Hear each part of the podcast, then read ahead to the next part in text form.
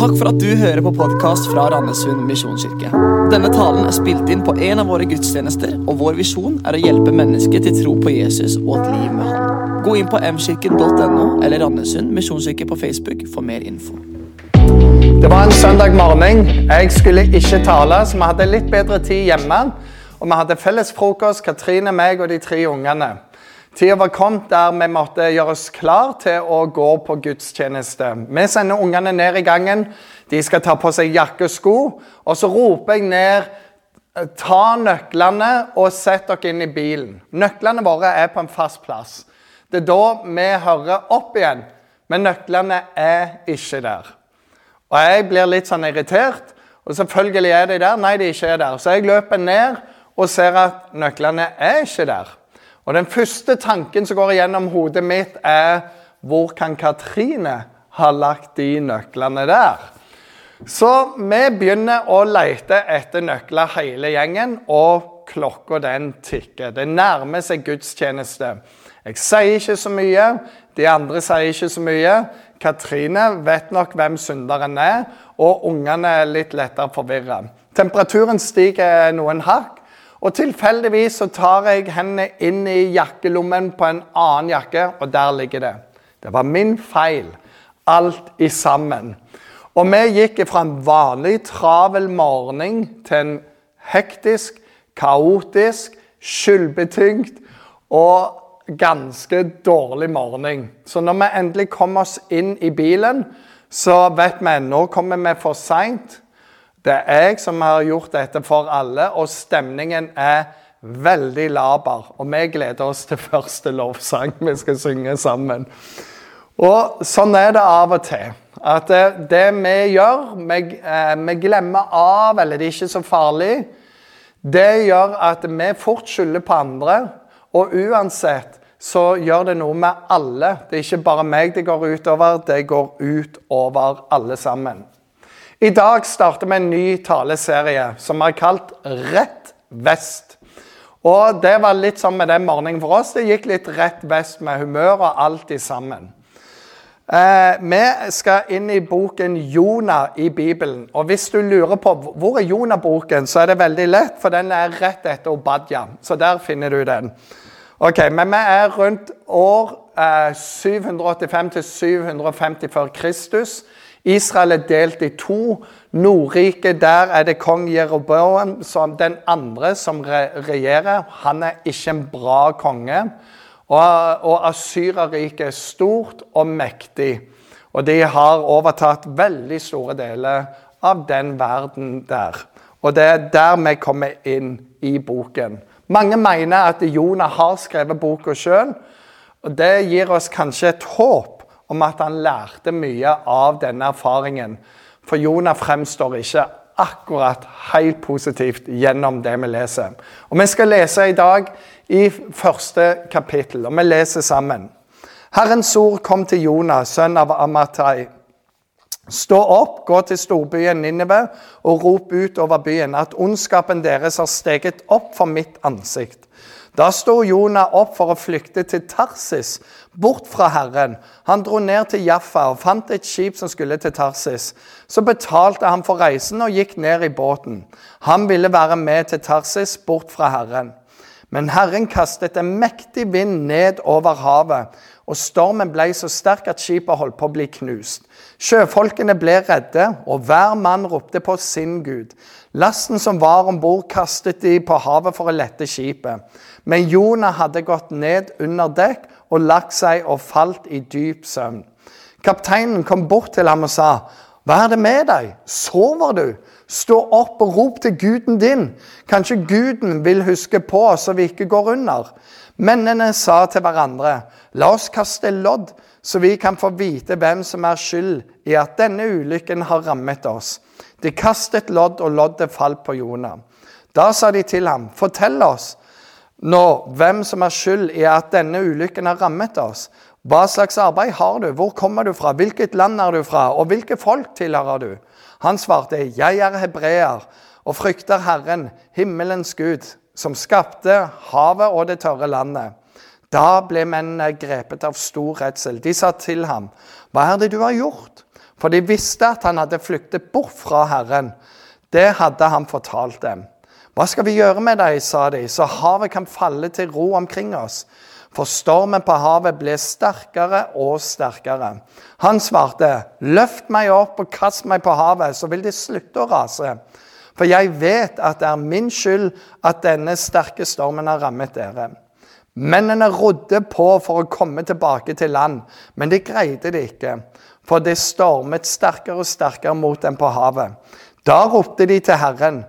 Herre, la oss ikke gå unna fordi denne mannen mister livet. La ikke uskyldig blod komme over oss, for du, Herre, har gjort som du ville. Så løftet de Jonah opp, kastet ham på havet. Da holdt havet opp med å rase og ble stille. Mennene ble grepet av stor frykt for Herren.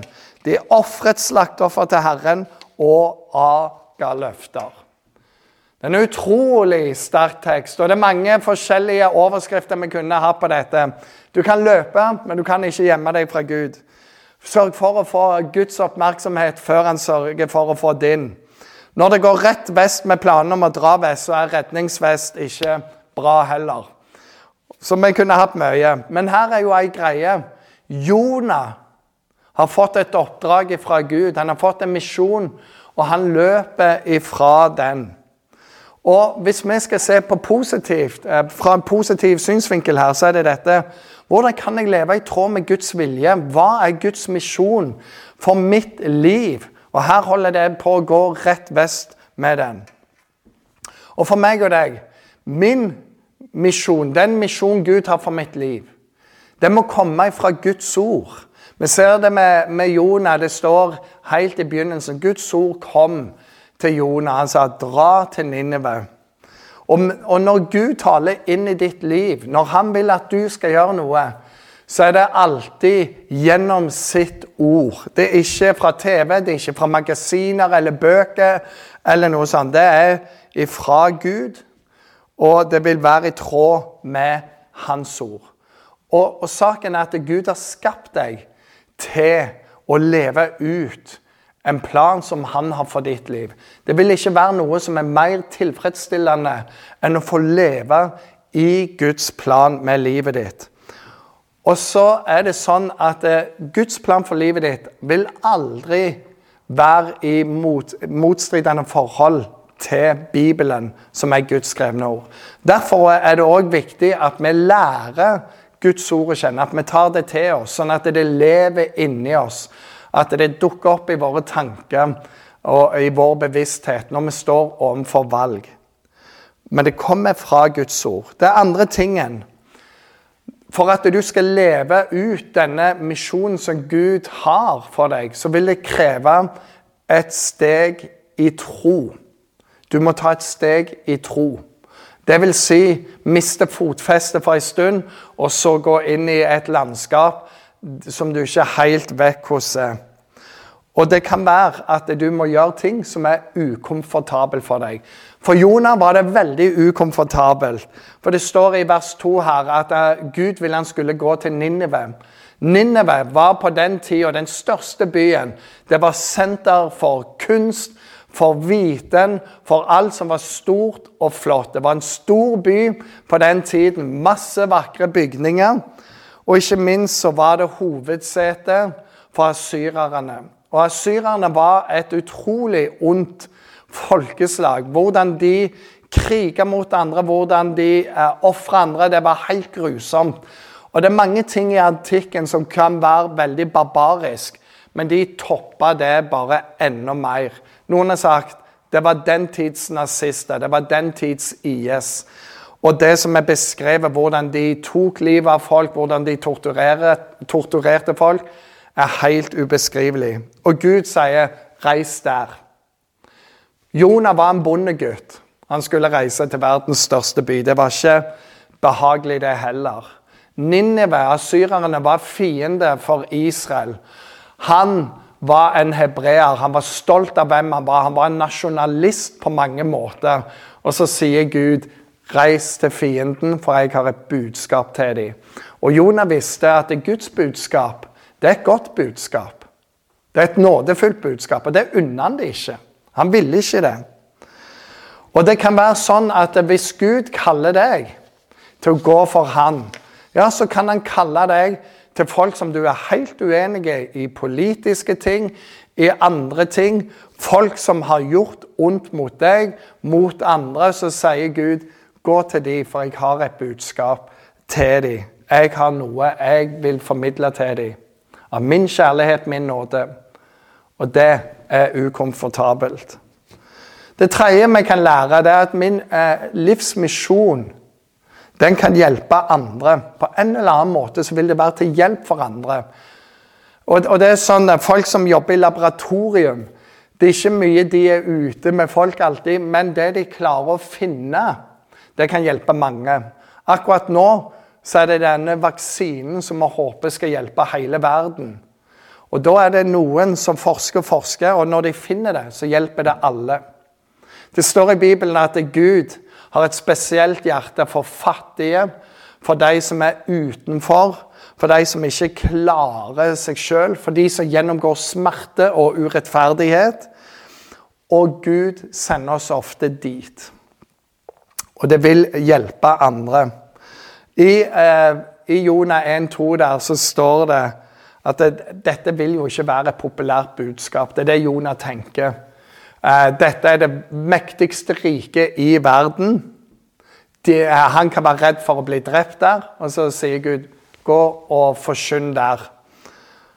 Gud, ha, eh, Gud hater uretten som de har gjort, men Gud elsker byer. Gud elsker folk.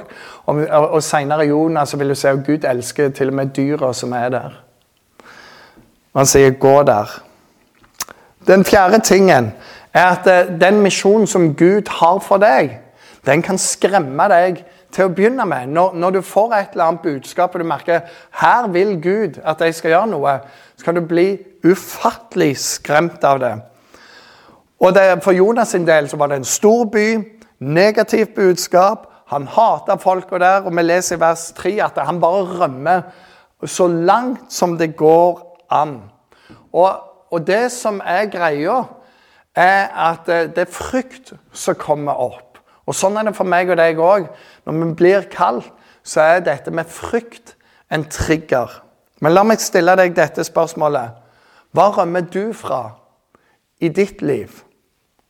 Hva er det du er så redd for at du flykter ifra det? Er det fortid? Er det folk? Er det forventninger? Er det Gud? Er det foreldre? Hva er det? For frykten gjør at vi flykter. Og istedenfor å gjøre det vi vet er riktig, vet det vi skal gjøre, så gjør vi andre ting. Og så er greia her at du kan løpe men du kan ikke gjemme deg for Gud. Du kan løpe fra Gud, men han vil alltid være der. Han vet alt. Så hvor skal du gjemme deg fra han? I Salme 139, vers 7-12, så kan du lese om, om salmisten som skriver Hvor kan jeg løpe for å gjemme meg fra deg, Gud? Og så er svaret ingen plass, for du er der òg. Så jeg kan løpe fra Gud resten av livet mitt. Men så kan jeg ikke løpe mer. Da skal jeg stå foran Gud. Og han kommer til å stille meg dette spørsmålet. Hva gjorde du med det kallet jeg ga deg? Og da skal jeg svare for det. Den misjonen Gud har for meg, den kan skremme meg til å begynne med. Og så er det en annen greie òg. Når jeg løper fra misjonen min, så vil den forårsake negative konsekvenser. Og denne historien i kapittel 1 må bare si det vi kommer til noen bra ting, men det er ikke så bra i starten her. Men vi ser gjennom Jonah-boken, i kapittel 1 og 2, så kan du se på de ordene der står 'ned'. Og Noen har sagt det gikk bare ned og ned og ned. Først så løper han ned til skipet, ned til Tarsis, og så går det videre ned til havets bunn. Det gikk bare ned over han. Og når jeg løper fra Gud, så går det nedover. Det koster meg å løpe fra Gud. Hvis du tenker han skulle til Ninive Det var 80 mil inn i landet. Han tok til Tarsis. Det var over 240 mil andre veien. Det koster mye mer å reise den veien enn det ville vært å fullføre kallet for Gud. Av og til så er det fristende, men det koster utrolig mye. Og så står det videre i Bibelen at, det, at Gud gir den ydmyke nåde, men står den stolte imot. Og det var En som sa det sånn Hvordan kan jeg sørge for å få Guds oppmerksomhet før han sørger for å få min? Og så er Den fjerde tingen i dette med negative konsekvenser det er at det forårsaker at andre folk blir skadelidende òg.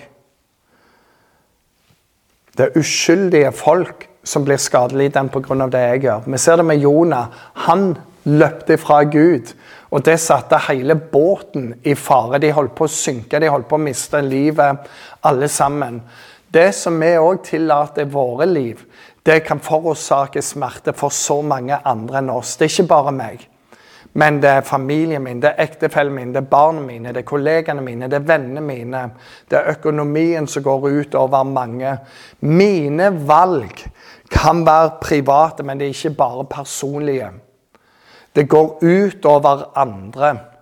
Alt dette jeg tenker, men det er mitt, og det er bare mitt. Nei, det har som regel konsekvenser for andre. Så la meg stille dette spørsmålet. Hvem er det du skader med din synd? Hvem er det jeg skader med min synd? De vet gjerne ikke om synden, men hvem er det jeg skader med det likevel? Han er kanskje privat, men han er aldri personlig for han har ringvirkninger. Og når vi er stressa, når vi rømmer fra Gud, så gjør vi som de på skipet. Vi kaster ting ut. Ting som burde ha vært der. Og så håper vi at dette går bedre. Vi kaster relasjoner, vi kaster verdier. Vi kaster vaner over bord. Men det hjelper ikke noen ting likevel. Neste punkt er dette. Jo lenger jeg rømmer fra Gud, jo verre blir det. Vi leser i teksten her at det står at stormen ble sterkere og sterkere. og De prøver å gjøre mange forskjellige ting, men det kommer bare sterkere og sterkere. Og når vi prøver å fikse ting på egen hånd, så pleier det å bli dårligere og dårligere. Og det er ikke veldig bra, det er ikke fruktbart. Det er verre storm, det er tøffere sjø. Av og til kommer folk og, og spør men pastor, hvordan kan jeg stoppe denne stormen i livet mitt, da? Og svaret er det samme hver gang. Overgi deg til Gud. Overgi deg fullt og helt. Slutt å gjøre opprør mot Gud. Mot Guds ord, mot Guds vilje. Bøy deg for Han. Der begynner det. Og våg å si, som Jonah sa, det er faktisk min skyld, dette her.